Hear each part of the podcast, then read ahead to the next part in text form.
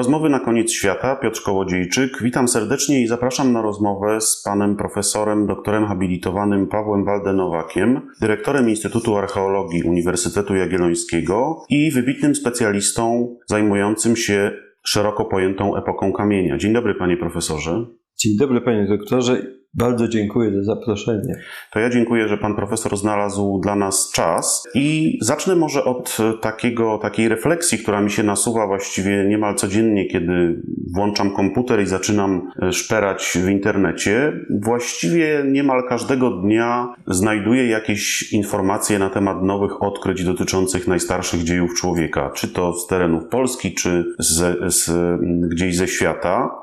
E, I mam takie wrażenie w związku z tym, że ta gałąź archeologii, jaką jest epoka, czy badania nad epoką kamienia, jest niezwykle prężnie rozwijającą się specjalnością i niezwykle dużo informacji nowych e, właściwie każdego dnia się e, pojawia. Czy tak rzeczywiście jest, panie profesorze?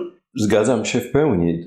Ta gałąź, jak pan powiedział, rozwija się niezwykle, rośnie bardzo szybko i można zadać pytanie dlaczego. No, można powiedzieć, że chodzi o tak odległe czasy i tak głęboką tajemnicę, że właściwie każdy nowy pomysł natychmiast ma wzięcie. To raz. Dwa, każdy y, w świecie naukowym chciałby być Einsteinem i natychmiast zaistnieć. W związku z tym mm, prześcigają się badacze i szkoły i grupy badawcze w popularyzowaniu swoich dokonań. A pole do działania jest bardzo, bardzo rozległe. To prawda. Y, chodzi o, mm, o miliony lat y, idąc wstecz, prawda? O przynajmniej 3 miliony. Taką perspektywę możemy sobie nakreślić, mówiąc o epoce kamienia en bloc, całościowo, o epoce kamienia, która mm, no, zaczyna się, i tu różne są znowu głosy, kiedy ten początek wyznaczyć, ale przyjmijmy, może 3 miliony lat to jest taka dość bezpieczna chyba e, cezura, a jej koniec około zaledwie 2000 lat przed naszą erą, a więc no niezwykle głęboka perspektywa. Prowadzenie badań y, nastawionych na y, wyjaśnienie tajemnic związanych z, z, tą głęboką perspektywą owocuje raz po raz w różnych częściach Starego Świata, Afryki, także Azji, Europy i raz po raz są zgłaszane jakieś korekty do tego obrazu epoki kamienia, y, bez względu na to, czy mówimy o paleolicie, o mezolicie, czy o neolicie, czyli o starszej epoce kamienia, kiedyś nazywanej epoką kamienia łupanego, czy o neolicie, czyli epoką kamienia gładzonego.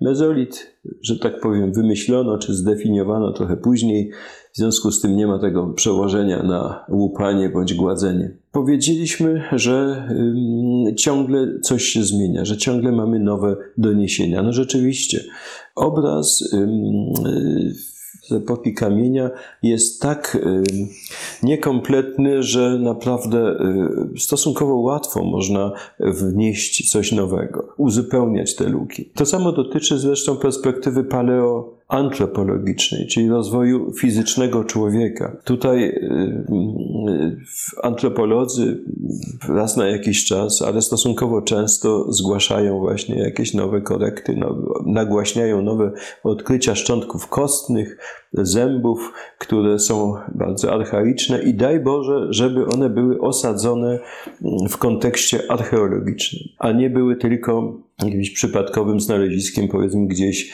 w namułach rzecznych, poza kontekstem osadniczym. Wtedy wartość takiego odkrycia jest, jest dużo, dużo niższa. Pojawiają się wtedy różne wątpliwości. Tak było kiedyś w Indonezji, na Dalekim Wschodzie, kiedy odkryto pierwsze szczątki y, Homo erectusa.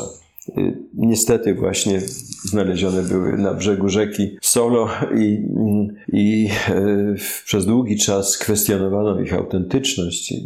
Na dodatek to były takie terytorialnie bardzo odległe znaleziska w stosunku do punktu wyjścia wędrówki Homo erectusa z Afryki, a było to milion 800 tysięcy lat temu. No właśnie, ten e, odcinek czasowy, który pan profesor zarysował, 3 miliony lat, to jest rzeczywiście bardzo dużo i niewiele osób zdaje sobie sprawę, że w tym czasie funkcjonował, e, funkcjonował nie tyle człowiek taki współczesny, Homo sapiens, ale nasi poprzednicy z grupy hominidów z różnych gatunków.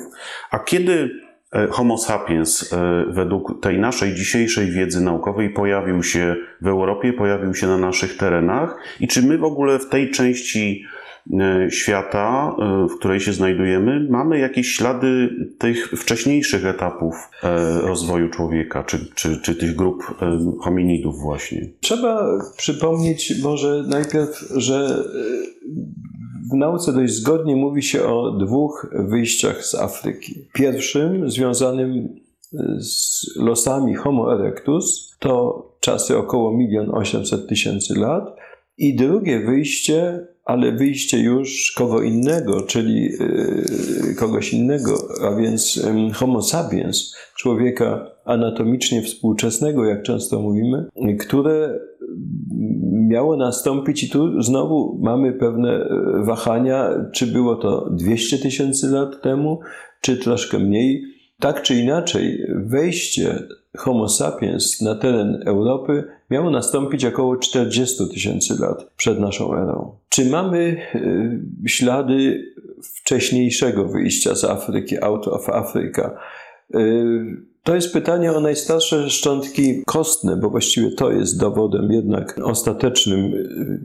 Kto ma szczęście i znajduje e, e, materiał kostny tak, tak wczesny, no ten może mówić, e, identyfikować te znaleziska archeologiczne, zwykle odłupki krzemienne, narzędzia krzemienne z konkretnym typem czy gatunkiem hominida.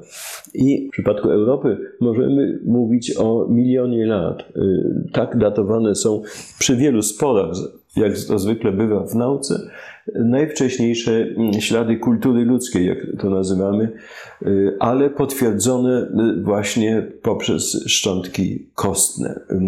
Y, szczątki kostne Homo erectusa, a więc byłoby to, byłoby to odpowiednik tego pierwszego wyjścia, oczywiście w przypadku Europy dużo późniejszego wejścia Homo erectus na, na nasze tereny, bliższe nam tereny pozaafrykańskie. Około miliona lat temu. Którędy się to odbyło? Przyjmujemy, że e, poprzez e, Gibraltar e, nastąpiło to pierwsze wejście. Ewentualnie drugi, druga taka droga jest nastawiona na Półwysep Apeniński. Natomiast to drugie wyjście, czy wejście poza afrykańskie, czy wejście do, do Europy, miało nastąpić, jak już mówiłem, około 40 tysięcy lat poprzez Bliski Wschód, Bałkany, ale znowu kolebką tej nowej jakości paleoantropologicznej, czyli Homo sapiens, jest Afryka. I najwcześniejsze ślady Homo sapiens na, na kontynencie afrykańskim no, datowane są mniej więcej na 200 tysięcy lat i pochodzą z samego południa tego kontynentu. Na ziemiach polskich y, od razu trzeba powiedzieć, nie mamy szczątków kostnych Homo erectus. Mamy natomiast kilka punktów, które, mm, kilka stanowisk archeologicznych, które możemy odnosić do tych czasów, czy do kultury, którą te osobniki tworzyły. Mam tu na myśli miejscowość Trzebnicę i, i Rusko na Dolnym Śląsku, gdzie w cegielni, właściwie w kopalni kaolinu również, natrafiono na, w pokładach takich gliniastych na artefakty, które no, są typowe dla wytwórczości Homo erectus. Możemy je datować mniej więcej na 400 tysięcy lat. Trzeba też wspomnieć o jaskini Biśnik, która w tej chwili jest mm, najstarszym chyba takim jaskiniowym schroniskiem właśnie bardzo późnego Homo erectusa. Czy to są e, znaleziska stosunkowo niedawno dokonane, czy... Stosunkowo niedawno, można tak powiedzieć. Owszem, za moich czasów studenckich najwcześniejsze ślady y, człowieka, ślady archeologiczne z Polski pochodziły z jaskini ciemnej, w której ciągle prowadzimy badania. One są jednak y, dużo, dużo późniejsze i sięgają około 100-120 tysięcy lat. Zaledwie, powiemy. Natomiast jaskinia Biśnik, a zwłaszcza Rusko i Trzebnica, to są stanowiska, jak my mówimy, otwarte, a więc y, miejsca takie odsłonięte. Być może wznoszono tam jakieś konstrukcje szałasowe, ale nie mamy na to żadnych dowodów. To są tacy miejsca, gdzie y, późny Homo erectus istniał około 400 tysięcy lat. A w ostatnich latach także odkrycia pana profesora dostarczyły nam nowych informacji, prawda? No tak. Tutaj, tutaj na pewno warto wspomnieć o jaskini ciemnej jeszcze raz, teraz już w kontekście najnowszych odkryć i może o jaskini wobłazowej. Ja obie te jaskinie badam od, od szeregu lat już i każda z nich y, wnosi wiele dla obrazu kultury, tym razem już człowieka neandertalskiego, ale też człowieka współczesnego, homo sapiens, tego wczesnego homo sapiens. A więc nie tylko chodzi o ich kulturę, ale także o, w przypadku homo sapiens o, o, o życie duchowe. To, co odkryliśmy w Obłazowej jest na pewno zaproszeniem do dyskusji o, nie o codzienności, prawda, o szarym dniu tych ludzi, tylko o jakiejś specjalnej sferze zachowań mm, obrzędowych. Właśnie o to miałem pytać, bo z tym bardzo wczesnym okresem raczej nie kojarzą nam się jakieś rozbudowane zjawiska religijne czy związane ze sztuką. No, może poza sztuką jaskiniową, która, której akurat chyba z terenów Polski za bardzo nie znamy, ale właśnie odkrycia pana profesora są jednymi chyba z nielicznych, które dostarczyły tego typu wiedzy. Co my na ten temat możemy powiedzieć? No cóż, no, tak się złożyło, że rzeczywiście jaskinia w Obłazowej y, położona najdalej na południe chyba na terenie naszego kraju z wszystkich innych stanowisk archeologicznych, to ma znaczenie, jeżeli weźmiemy pod uwagę stymulację osadniczą, jeśli można tak powiedzieć, za którą stoi lodowiec po prostu, który jest na północy. To on wyznacza tutaj strefy zasiedlenia, strefy roślinności, czy y, szlaki wędrówek stad zwierząt, a więc jest taka oferta dla myśliwych też, prawda, zmienna bardzo, w zależności od tego, jak daleko czy jak blisko jest lodowiec, czy strefa peryglacjalna, tundrowa, bezleśna i tak dalej. Jaskinia w Obłazowej jest położona daleko na południe. To ją wyróżnia, można powiedzieć. I tutaj właśnie w jednym z poziomów, czyli na jednej z podłóg, prawda, narastających z biegiem czasu podłóg, można by powiedzieć, człowiek anatomicznie współczesny urządził miejsce, które na pewno nie było dla niego typowym obozem, miejscem, gdzie ćwiartowano zwierzęta, gdzie łupano krzemień czy radiolary i wytwarzano ostrza. Nie, nie. Tutaj odbyło się coś zupełnie specjalnego. Przyniesiono głazy z pobliskiej doliny rzeki, górskiej rzeki Białki, tak ją dzisiaj nazywamy, możemy powiedzieć prabiałki. I y, te głazy ważą każdy po 60 y, mniej więcej kilogramów, a więc są ogromne i bardzo trudno je wtaszczyć, że tak powiem, pod górę do tej groty. Ktoś to zrobił i ten cel musiał być niezwykle ważny, niezwykle taki no, mm, przejmujący, skoro ktoś poświęcił czas i, i swoje siły na, na to. Po urządzeniu czegoś w rodzaju kręgu tychże głazów zaczęto do niego e, wkładać, wrzucać przedmioty z kolei, które są zupełnie wyjątkowe dla nas i zapewne dla ówczesnych ludzi. One były, no przynajmniej myślę, cenne, wyjątkowe w jakimś sensie, trudne do zdobycia, więc ktoś urządził tu coś w rodzaju takiego depozytu na zasadzie prawie że skarbca, który komuś czy czemuś, jakimś siłom poświęcił być może, możemy sobie wyobrazić. Te przedmioty to ozdoby, ale ozdoby też rzadko spotykane w materiale archeologicznym, a jeżeli już to w grobach najczęściej, jako wyposażenie zmarłego, elementy koli z przewierconych głów zwierzęcych, czy też muszle, ale muszle nie jakieś muszle jeziorne z pobliskiego stawu, tylko y, muszle wówczas już będące mm, fosyliami. To są muszle z dawnych epok geologicznych, wy, y, wydłubane z osadów Morza Mioceńskiego po prostu i przypuszczamy, że, że tym złożem pierwotnym dla nich były okolice dzisiejszej dzisiejszego pogranicza Austrii Dolnej i południa Moraw, podnóże Pawlowskich Wierchów. E, tam takie muszle występują i tam również w, w obozie wczesnej, wczesnych ludzi Homo sapiens odkryto pracownie takich właśnie muszli, mm, ozdób z muszli, a może nie ozdób, może były to jakieś instrumenty muzyczne, czy świstawki, gwizdki, wabiki na zwierzęta, dlatego że te muszle mają takie bardzo wyraźne nacięcie, są perforowane, obrobione w taki sposób, że można je nawet przyrównać do instrumentu dętego, prawda, do okaryny. One są po prostu takimi pojemnikami na słup powietrza, który to słup można przyblokować z boku, i tutaj mamy ślad takiego szlifu podłużnego, ścinającego zwój muszli, i równocześnie, tak jak w gwizdkach, mamy u góry nacięcie też e, takie, prawda, które wywołuje ten świst. Czy były to świstawki, czy to były instrumenty muzyczne, nie wiemy, ale tak czy inaczej rozważania na temat tego skupiska prowadzą nas tak jak już powiedzieliśmy, do, do sfery duchowej ówczesnych ludzi, może do zachowań szamańskich. I to jest kolejny wątek mm, w tych rozważaniach, w tych, w tych przemyśleniach. Czy my mamy do czynienia e, na przykład z pochówkiem, bo jakimś symbolicznym, bo też dwie kostki ludzkie zostały w centrum tego kręgu znalezione.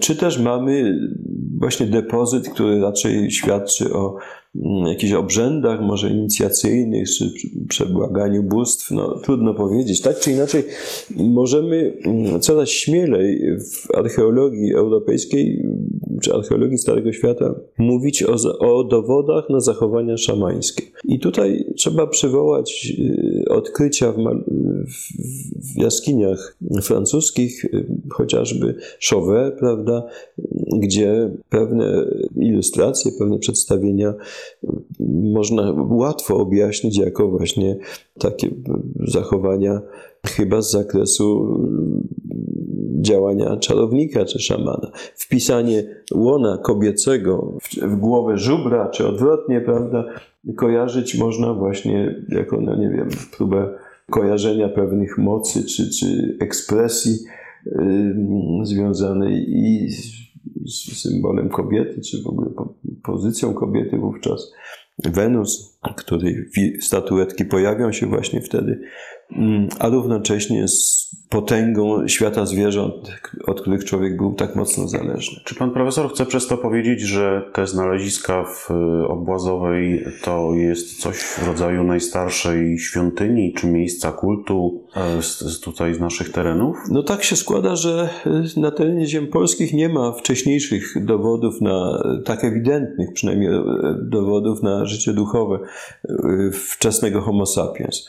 Datowanie tego skupiska na około 30 30-35 tysięcy wyraźnie nawiązuje właśnie do malowideł francuskich y, czy hiszpańskich, albo też do południowo-niemieckich mm, znalezisk y, z jaskiń, takich jak Hohlefels czy, czy jeszcze inne, gdzie nie ma przedstawień naskalnych jaskiniowego malarstwa, ale są statuetki i niektóre z nich znowu są kombinacją cech człowieka i zwierzęcia, jeżeli zwierzęcia, to właśnie bardzo groźnego, takiego bardzo trudnego do upolowania jak lew, lew jaskiniowy. Mamy takie statuetki, ta najsłynniejsza wykonana z ciosu mamuta przedstawia człowieka lwa, ma ponad 20 centymetrów, jest całkiem nieźle zachowana. Nie można mieć żadnych wątpliwości, że ktoś y, około 35 tysięcy lat temu wyrzeźbił w kości mamuta oblicze, jeśli można tak powiedzieć, na pewno lwa, ale lwa w pozycji stojącej, który przybiera postać, sylwetkę człowieka wyprostowanego. Także tutaj ta kombinacja jest, jest ewidentna. Natomiast czy, czym były te statuetki, czy też czym były te malowidła, do czego służyły, dlaczego je zrobiono? To jest pytanie właśnie takie szerokie, które doty, dotyczy również odkrycia Wobłazowej.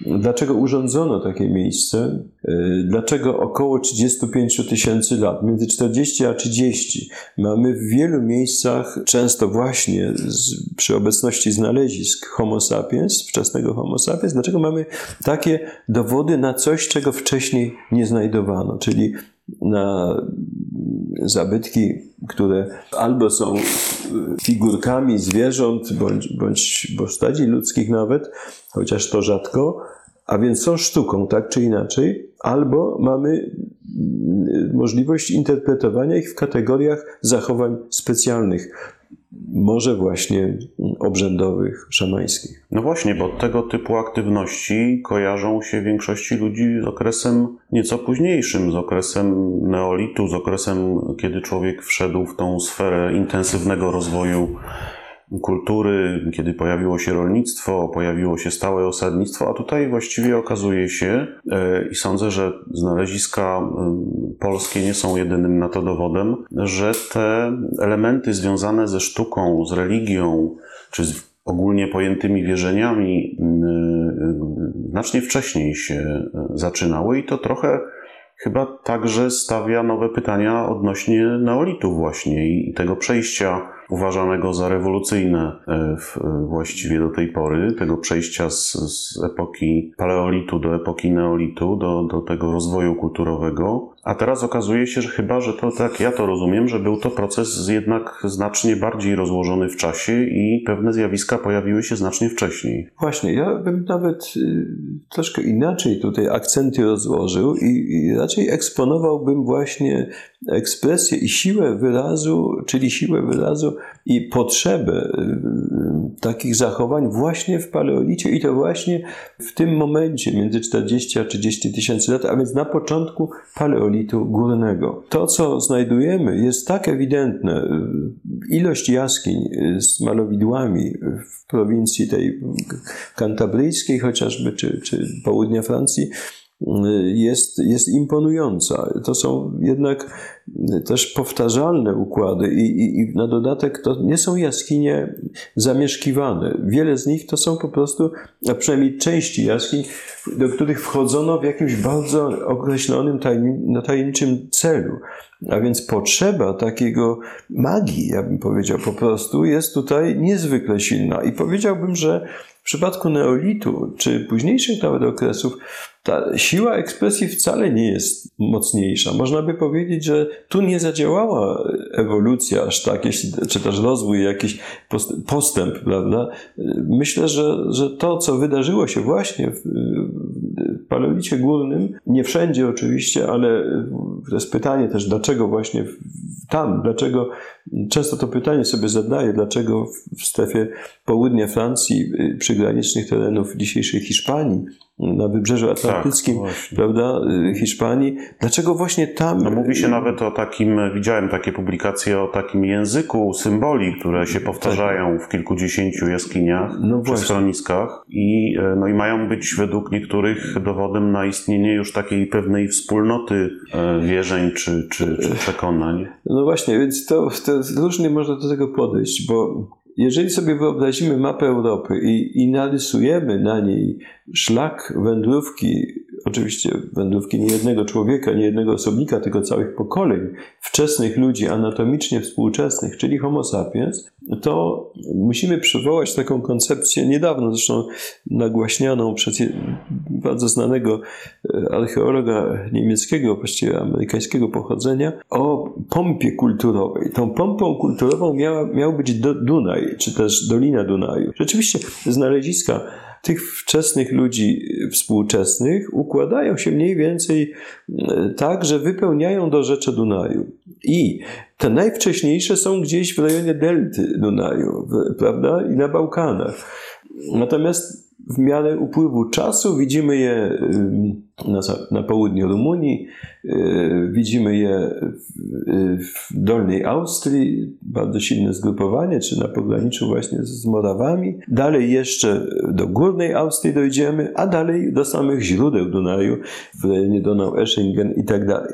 Gdzie mamy skupisko jaskiń właśnie y, z dowodami szamanizmu i, i, tej ekspresji, o której wspominałem. Jeżeli założymy, że ciągle przybywają nowe grupy i idą z południowego wschodu Europy na zachód, to w pewnym momencie to środowisko jak gdyby nasyca się i jest jak gdyby przesycone, na, napełnione do maksimum y, potrzebą życia duchowego, rośnie populacja, wszyscy idą w kierunku zachodnim, gdzie jest opty, optimum osadnicze na pewno, jest bardzo dużo jaskiń, jest dużo surowców krzemiennych, jesteśmy daleko od lodowca. To jest Eldorado, jak to kiedyś profesor Szyld powiedział, co prawda w stosunku do, do niżu europejskiego, y, dużo później czy właściwie do paleolitu schyłkowego, ale y, można w takich kategoriach to ująć, y, że ta koncentracja, dziwna koncentracja w strefie południa Francji i Hiszpanii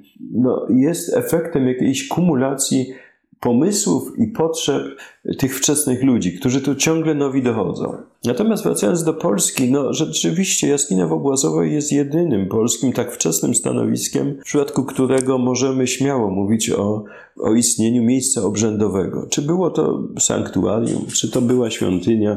W jakichś kategoriach chyba tak. To, to, to, to miejsce spełnia właśnie warunki, jakie spełniają wymienione francuskie jaskinie, czy południowo-niemieckie jaskinie ze statuetkami człowieka lwa i tak dalej. A więc takie, takich miejsc, w których nie ma codzienności, nie ma śmieci, a jest coś zupełnie specjalnego. Trzeba powiedzieć, że również obecność ochry, pigmentu, która tutaj jest, zachodzi, widzimy, że większość przedmiotów w Obłazowej jest pokryta, jeżeli chodzi o ten poziom kulturowy, właśnie pigmentem. Trzeba wspomnieć, że w centrum tego kręgu leżał zupełnie rewelacyjny, jak na, jak na naszą ocenę dzisiejszą, paleolityczny zabytek, czyli drzazga kostna półksiężycowatego kształtu, fragment ciosu mamuta wy, wycięty z, właśnie z tego, jak czasem mówimy, kła, tej kości słoniowej, pięknie wyszlifowany i został uznany przez specjalistów za bumerang w dodatku. Za... Problem polega na tym, że nikt do tej pory, do momentu jego odkrycia, nie, od... nie znalazł niczego podobnego, a zwłaszcza tak starego, tak wczesnego. I to mm, zaburzyło nasze wyobrażenia i o Australii, jako tego obszaru macierzystego, niby dla tego pomysłu mm, i dla i zinterpretowania różnych innych podejrzanych o to, że są bumerangami odkryć i tak dalej, i tak dalej. Myślę, że dyskusja o tym, czy to jest bumerang, czy nie jest, to jest, to jest rzecz w pewnym sensie drugoplanowa. Najważniejsze jest, że ten przedmiot jest zachowany kompletnie, cał, cały, całkowicie. To nie jest jakiś połamany fragment, mm, złamany fragment czegoś wyszlifowanego, tylko to jest kompletny, duży kawał y, no, mamuta, że tak powiem. No i w konkretnym kontekście. I w konkretnym kontekście. Ten przedmiot ma ponad 70 cm długości, jeśli chodzi o cięciwe. Mm, ewidentnie widać ślady obróbki. Proszę sobie wyobrazić, że żeby mógł powstać, musiał zginąć takie zwierzę, potężny słoń, na którego musiało zapalować wielu ludzi. Następnie ktoś przy pomocy krzemiennych ostrzy musiał oddzielić tę drzazgę, jak mówimy, od, od owalnego w przekroju kła, czy też ciosu, a następnie poddać go szlifowaniu. Dlaczego nadał mu płasko wypukły przekrój poprzeczny, kształt? To jest osobne pytanie i rzeczywiście zwiększył jego aerodynamiczne właściwości. I eksperymenty, które były robione swego czasu, są publikowane, pokazały, że to rzeczywiście leci jak bumerang, tyle że nie wraca. Tak jak wiele bumerangów australijskich, bojowych, nie wraca, o tym też trzeba pamiętać.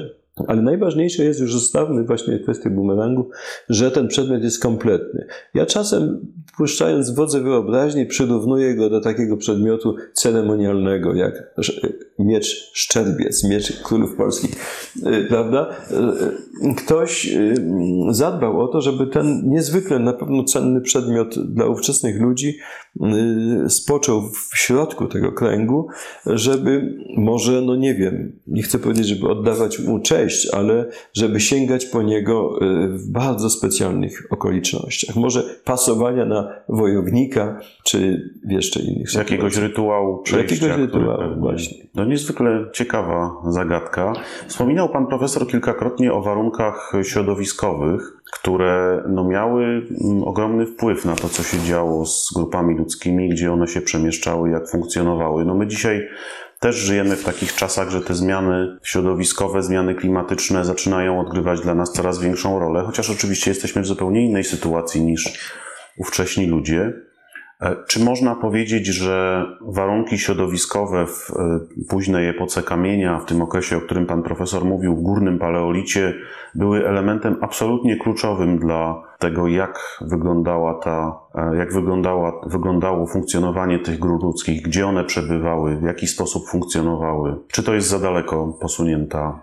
Myślę, że, że odgrywały ogromną rolę, jasne. Tak, to widać. Przychodzi taki moment, y, około roku 20 tysięcy lat przed naszą erą, rzeczywiście, a trochę później, prawda, niż, niż ta część górnego paleolitu, o której mówimy, ale to ciągle będzie jeszcze górny paleolit. I wtedy grupy ludzkie cofną się daleko na południe. I strefa niżu europejskiego z pewnością wyludnia się. My mówimy troszkę, mówiąc o trochę późniejszym okresie, o rekolonizacji niżu. I to widać bardzo mocno, jak grupy powracają. A więc nasunięcie lodowca, to ostatni, ten ostatni krzyk epoki lodowej, czyli tak zwany górny pleniglacja około 20 tysięcy lat przed naszą erą, 18, wywołał bardzo mocny kryzys. To, to bardzo jasno widać. Jak to było wcześniej, pewnie było podobnie i zarówno losy grup neandertalskich, jak i to mocne wejście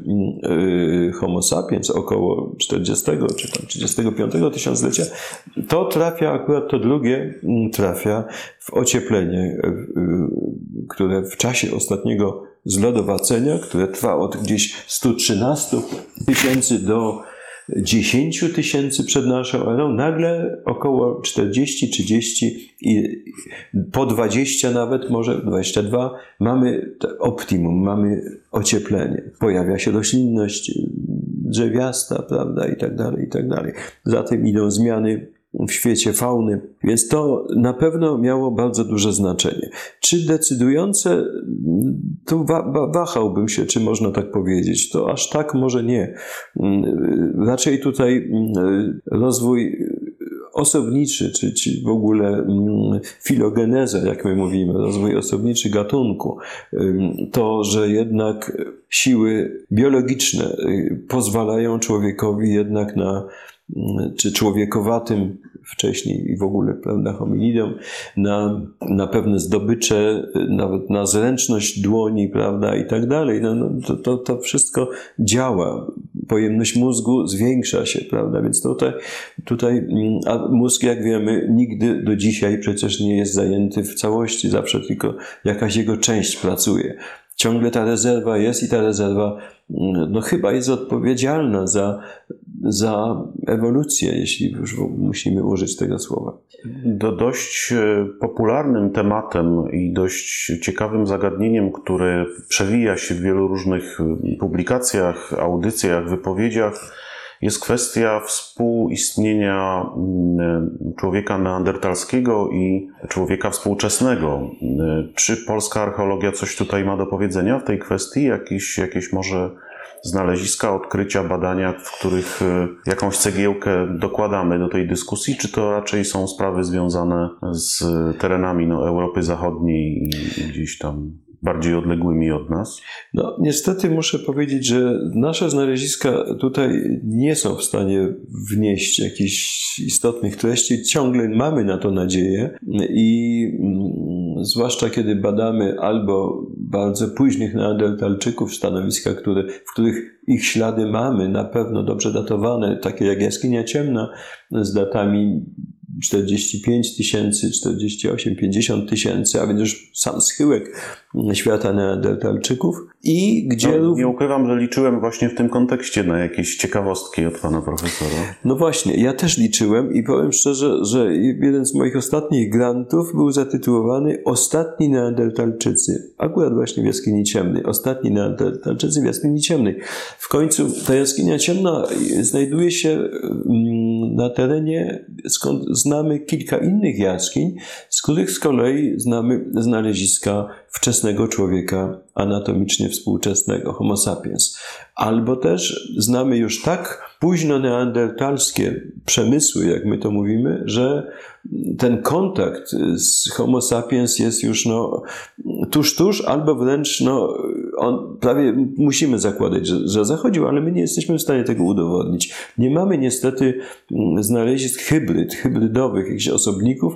Tego niestety nie mamy. W jaskini ciemnej udało nam się odkryć jedne z niewielu szczątków y, kostnych neandertalskich ziem polskich, to prawda, i to jest wielki sukces tych wykopalisk. Na dodatek są to y, paliczki dziecka datowane na ponad 100 tysięcy, a więc najstarsze szczątki kostne człowieka z ziem polskich w ogóle, a w warstwie stropowej siekacz neandertalczyka datowany dużo później na 50 tysięcy. Niestety tego y, nie możemy y, udowodnić. Natomiast czujemy, że ten kontakt mógł zachodzić ale no, ma, jesteśmy zdani właściwie na dalszy rozwój nauki i na studiowanie przemysłów kamiennych, na domniemania, że może ten zabieg techniczny, albo inny zabieg techniczny, albo ewentualnie jakaś ozdoba, chociaż nie mamy ich wiele, kościana z tych czasów, może dowodzić jakichś kontaktów. Tutaj oczywiście decydujący głos ciągle,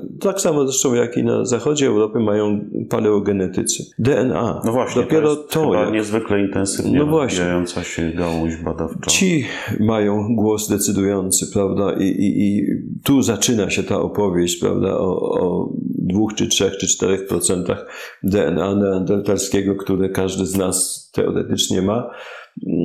I nie ma co się na to zrzymać, tak, tak mogło być, tak pewnie było.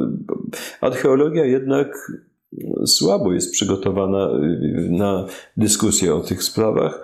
Mamy takie mm, znaleziska z Francji, chociażby szatelperońskie, które miały być takim kluczem do tej zagadki kontaktów, ale tak naprawdę jest to ciągle mocno niepewne. Poza oczywiście znaleziskami paleoantropologicznymi, które pokazują, że ten kontakt zachodzi, bo mamy takie znaleziska hybrydowe mm, z Portugalii, na przykład Lagarvello, czy mm, chociażby nawet z Rumunii Południowej, y, z jaskini ognisk. Jest tam, jest tam taka czaszka znana y, już Homo sapiens, ale ta z kolei z elementami takimi jeszcze neandertalo-idealnymi, można by powiedzieć. Natomiast to znalezisko z Portugalii z kolei jest właściwie późnym dzieckiem neandertalskim, ale o cechach progresywnych, a więc znowu w drugą stronę jak gdyby dowód takich kontaktów. Ale to jest antropologia fizyczna, a, a paleogenetyka sięga dalej i tutaj próbuje na podstawie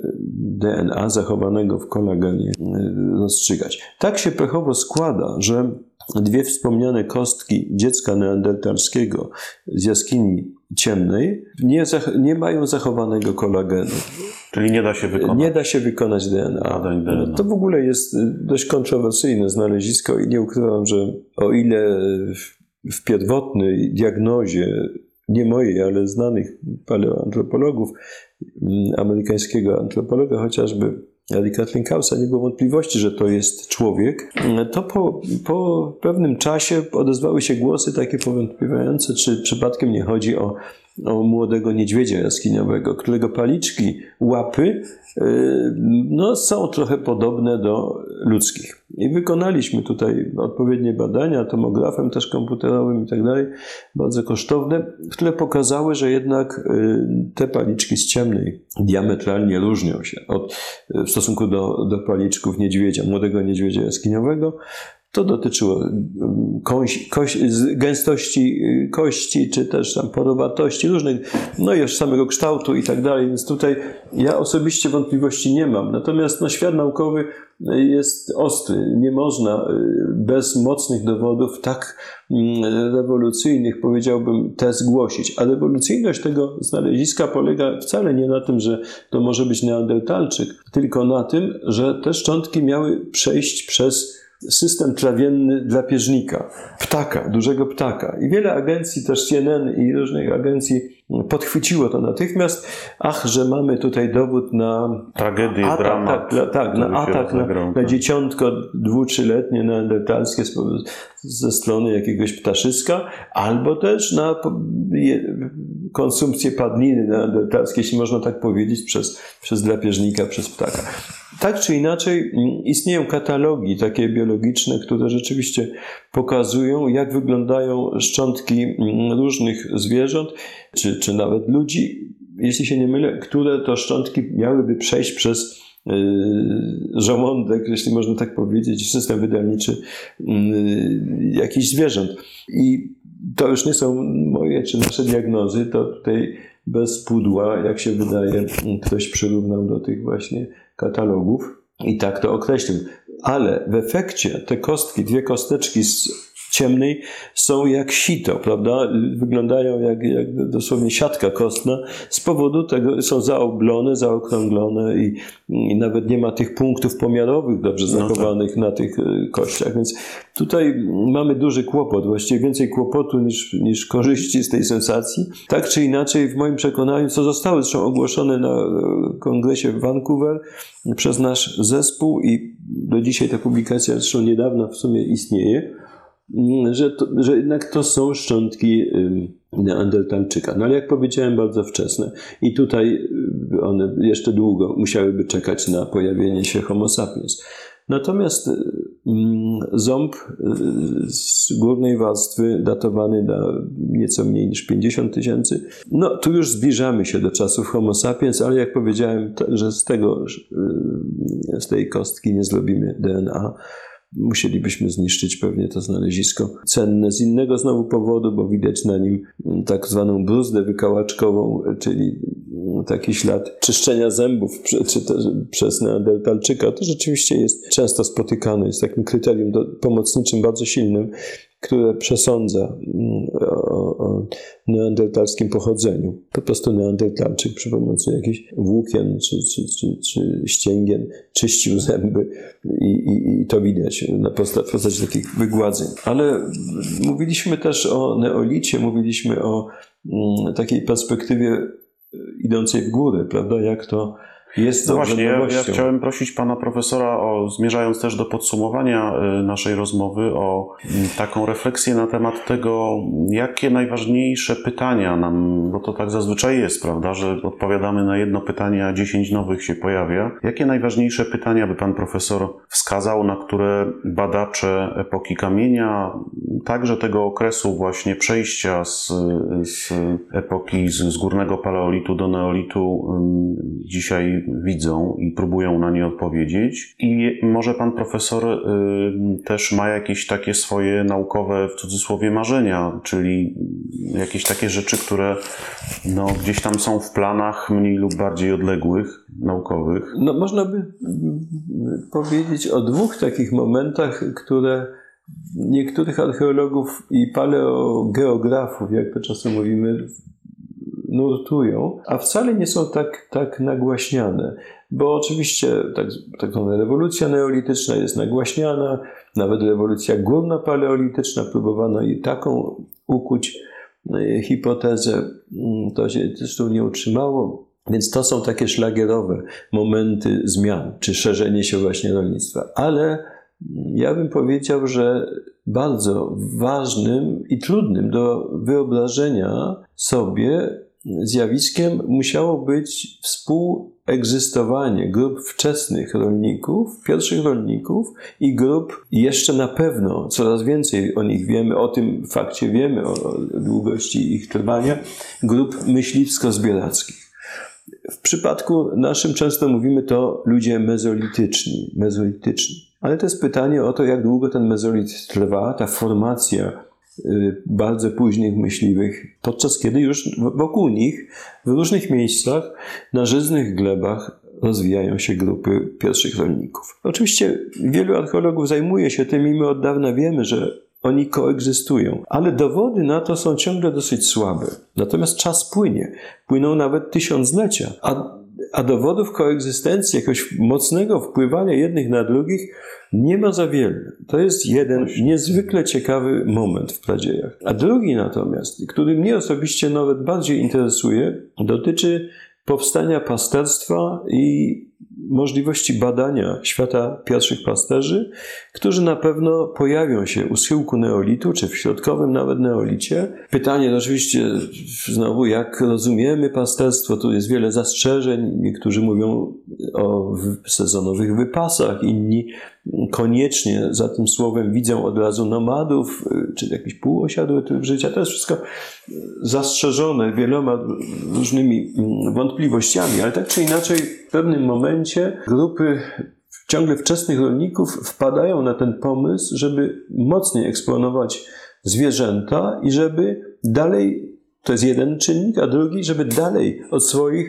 stałych wiosek iść. Żeby iść na przykład do złóż paszy, żeby nie transportować tej paszy do obozów, do wiosek, tylko żeby do tej paszy dojść. Myślę, że to jest uruchomienie, mm, no takie dość powszechnie przyjmowane, y, pasterstwa wędrownego, czy, czy transhumancji właśnie i tak dalej, która w średniowieczu... Pasterstwa, które uchodzi, y, jak rozumiem, za tą najstarszą formę gospodarki rolniczej, powiedzmy, wytwórczej, poprzedzającą nieco prawe roślin. No tak, tutaj y, to, to pasterstwo, czy też hodowla zwierząt, może tak powiedzmy, bo znowu jest wiele definicji pasterstwa, i, ale wypa, wypas zwierząt, hodowla zwierząt jest odnotowana oczywiście w najwcześniejszym etapie neolityzacji. I tutaj na Bliskim Wschodzie, prawda, u podnóża y, gór północno-irackich y, mamy kulturę zarzijską, która jest bardziej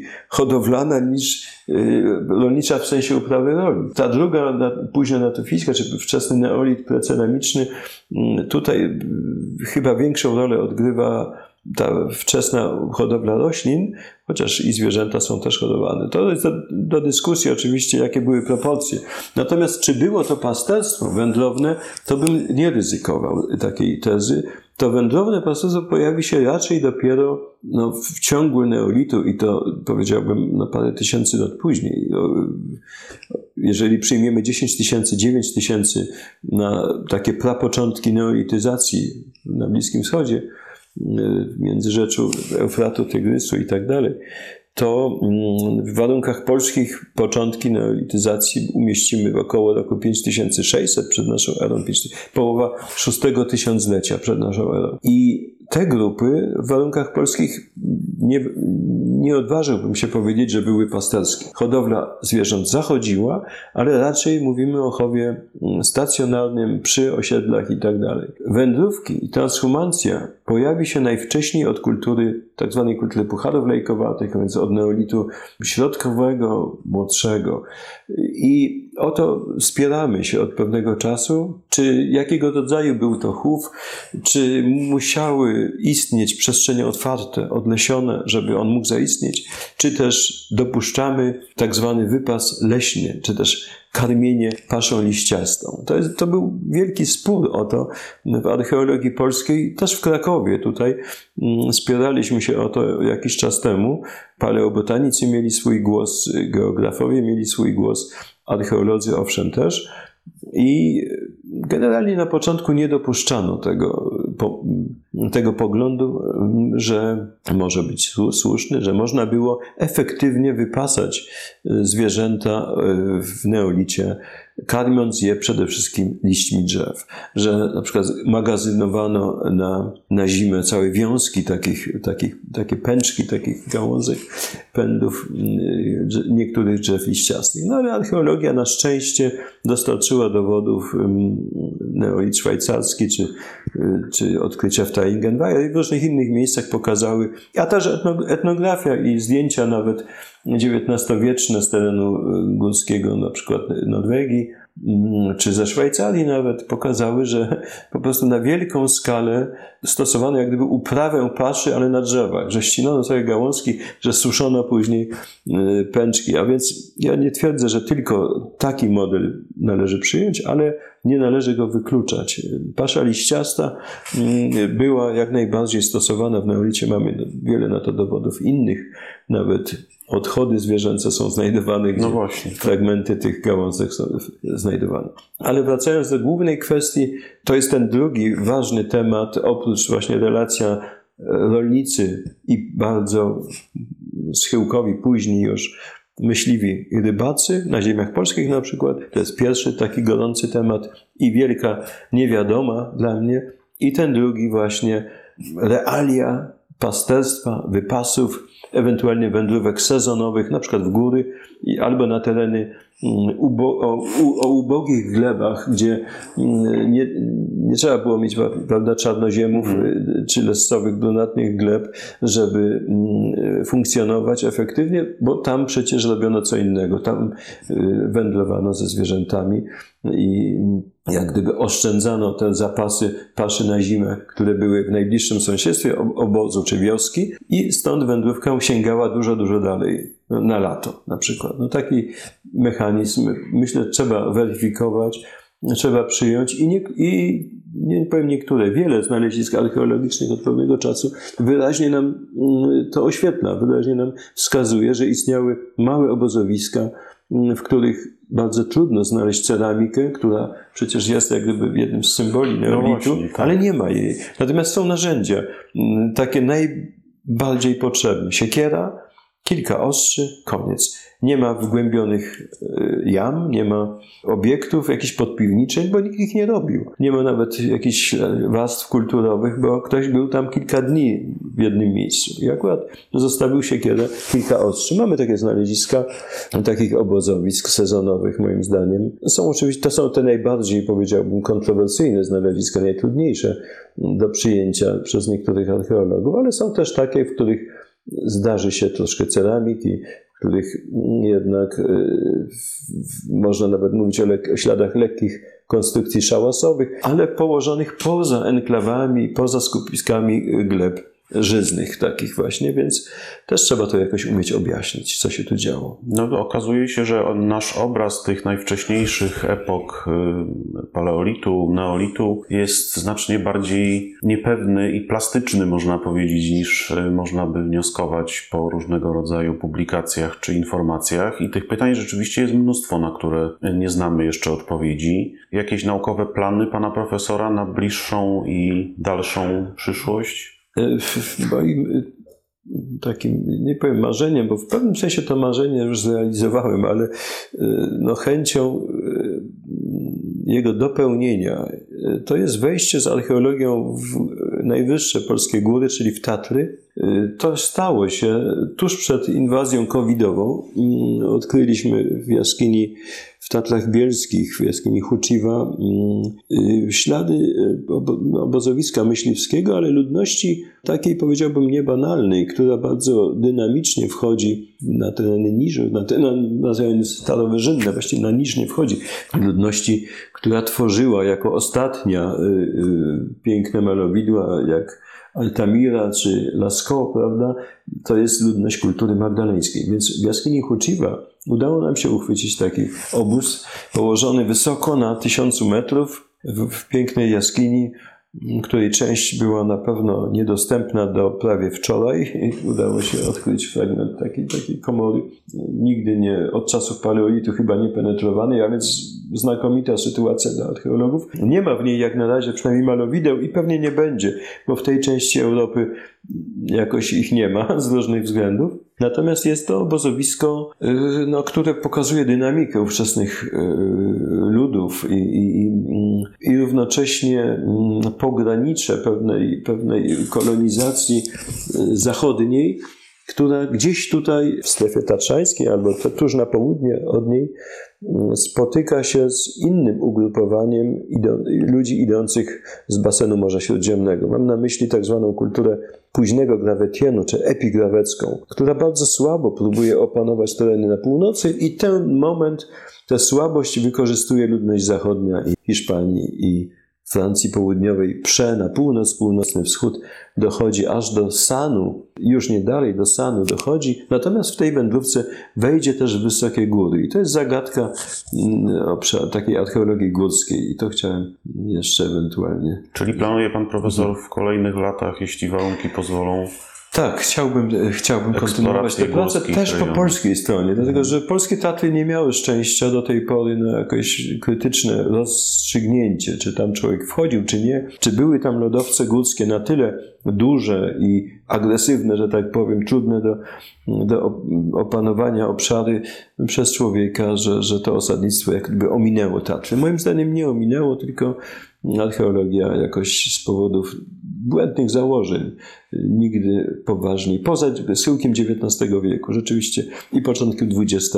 Próbowano w jednej z grot w jaskini Magury coś odkryć, to się nie udało i to niepowodzenie też zaważyło na e, tym uznano, że nic tam nie ma po prostu Tak, no już przez warto. Mhm. dziesiątki lat powtarzają pokolenia, że tam nic nie ma, być nie może i tak dalej. Wyjaśnimy to. Miejmy nadzieję, że prace pana profesora i, i zespołu w kolejnych latach y, tutaj wyjaśnią te kwestie. Bardzo dziękuję za rozmowę. Oczywiście trzymam kciuki za kolejne badania i odkrycia z nadzieją, że pan profesor się podzieli z nami w przyszłości nowymi informacjami, których te badania dostarczą, miejmy nadzieję. Bardzo dziękuję panie doktorze za zaproszenie i za rozmowę. Dziękuję bardzo.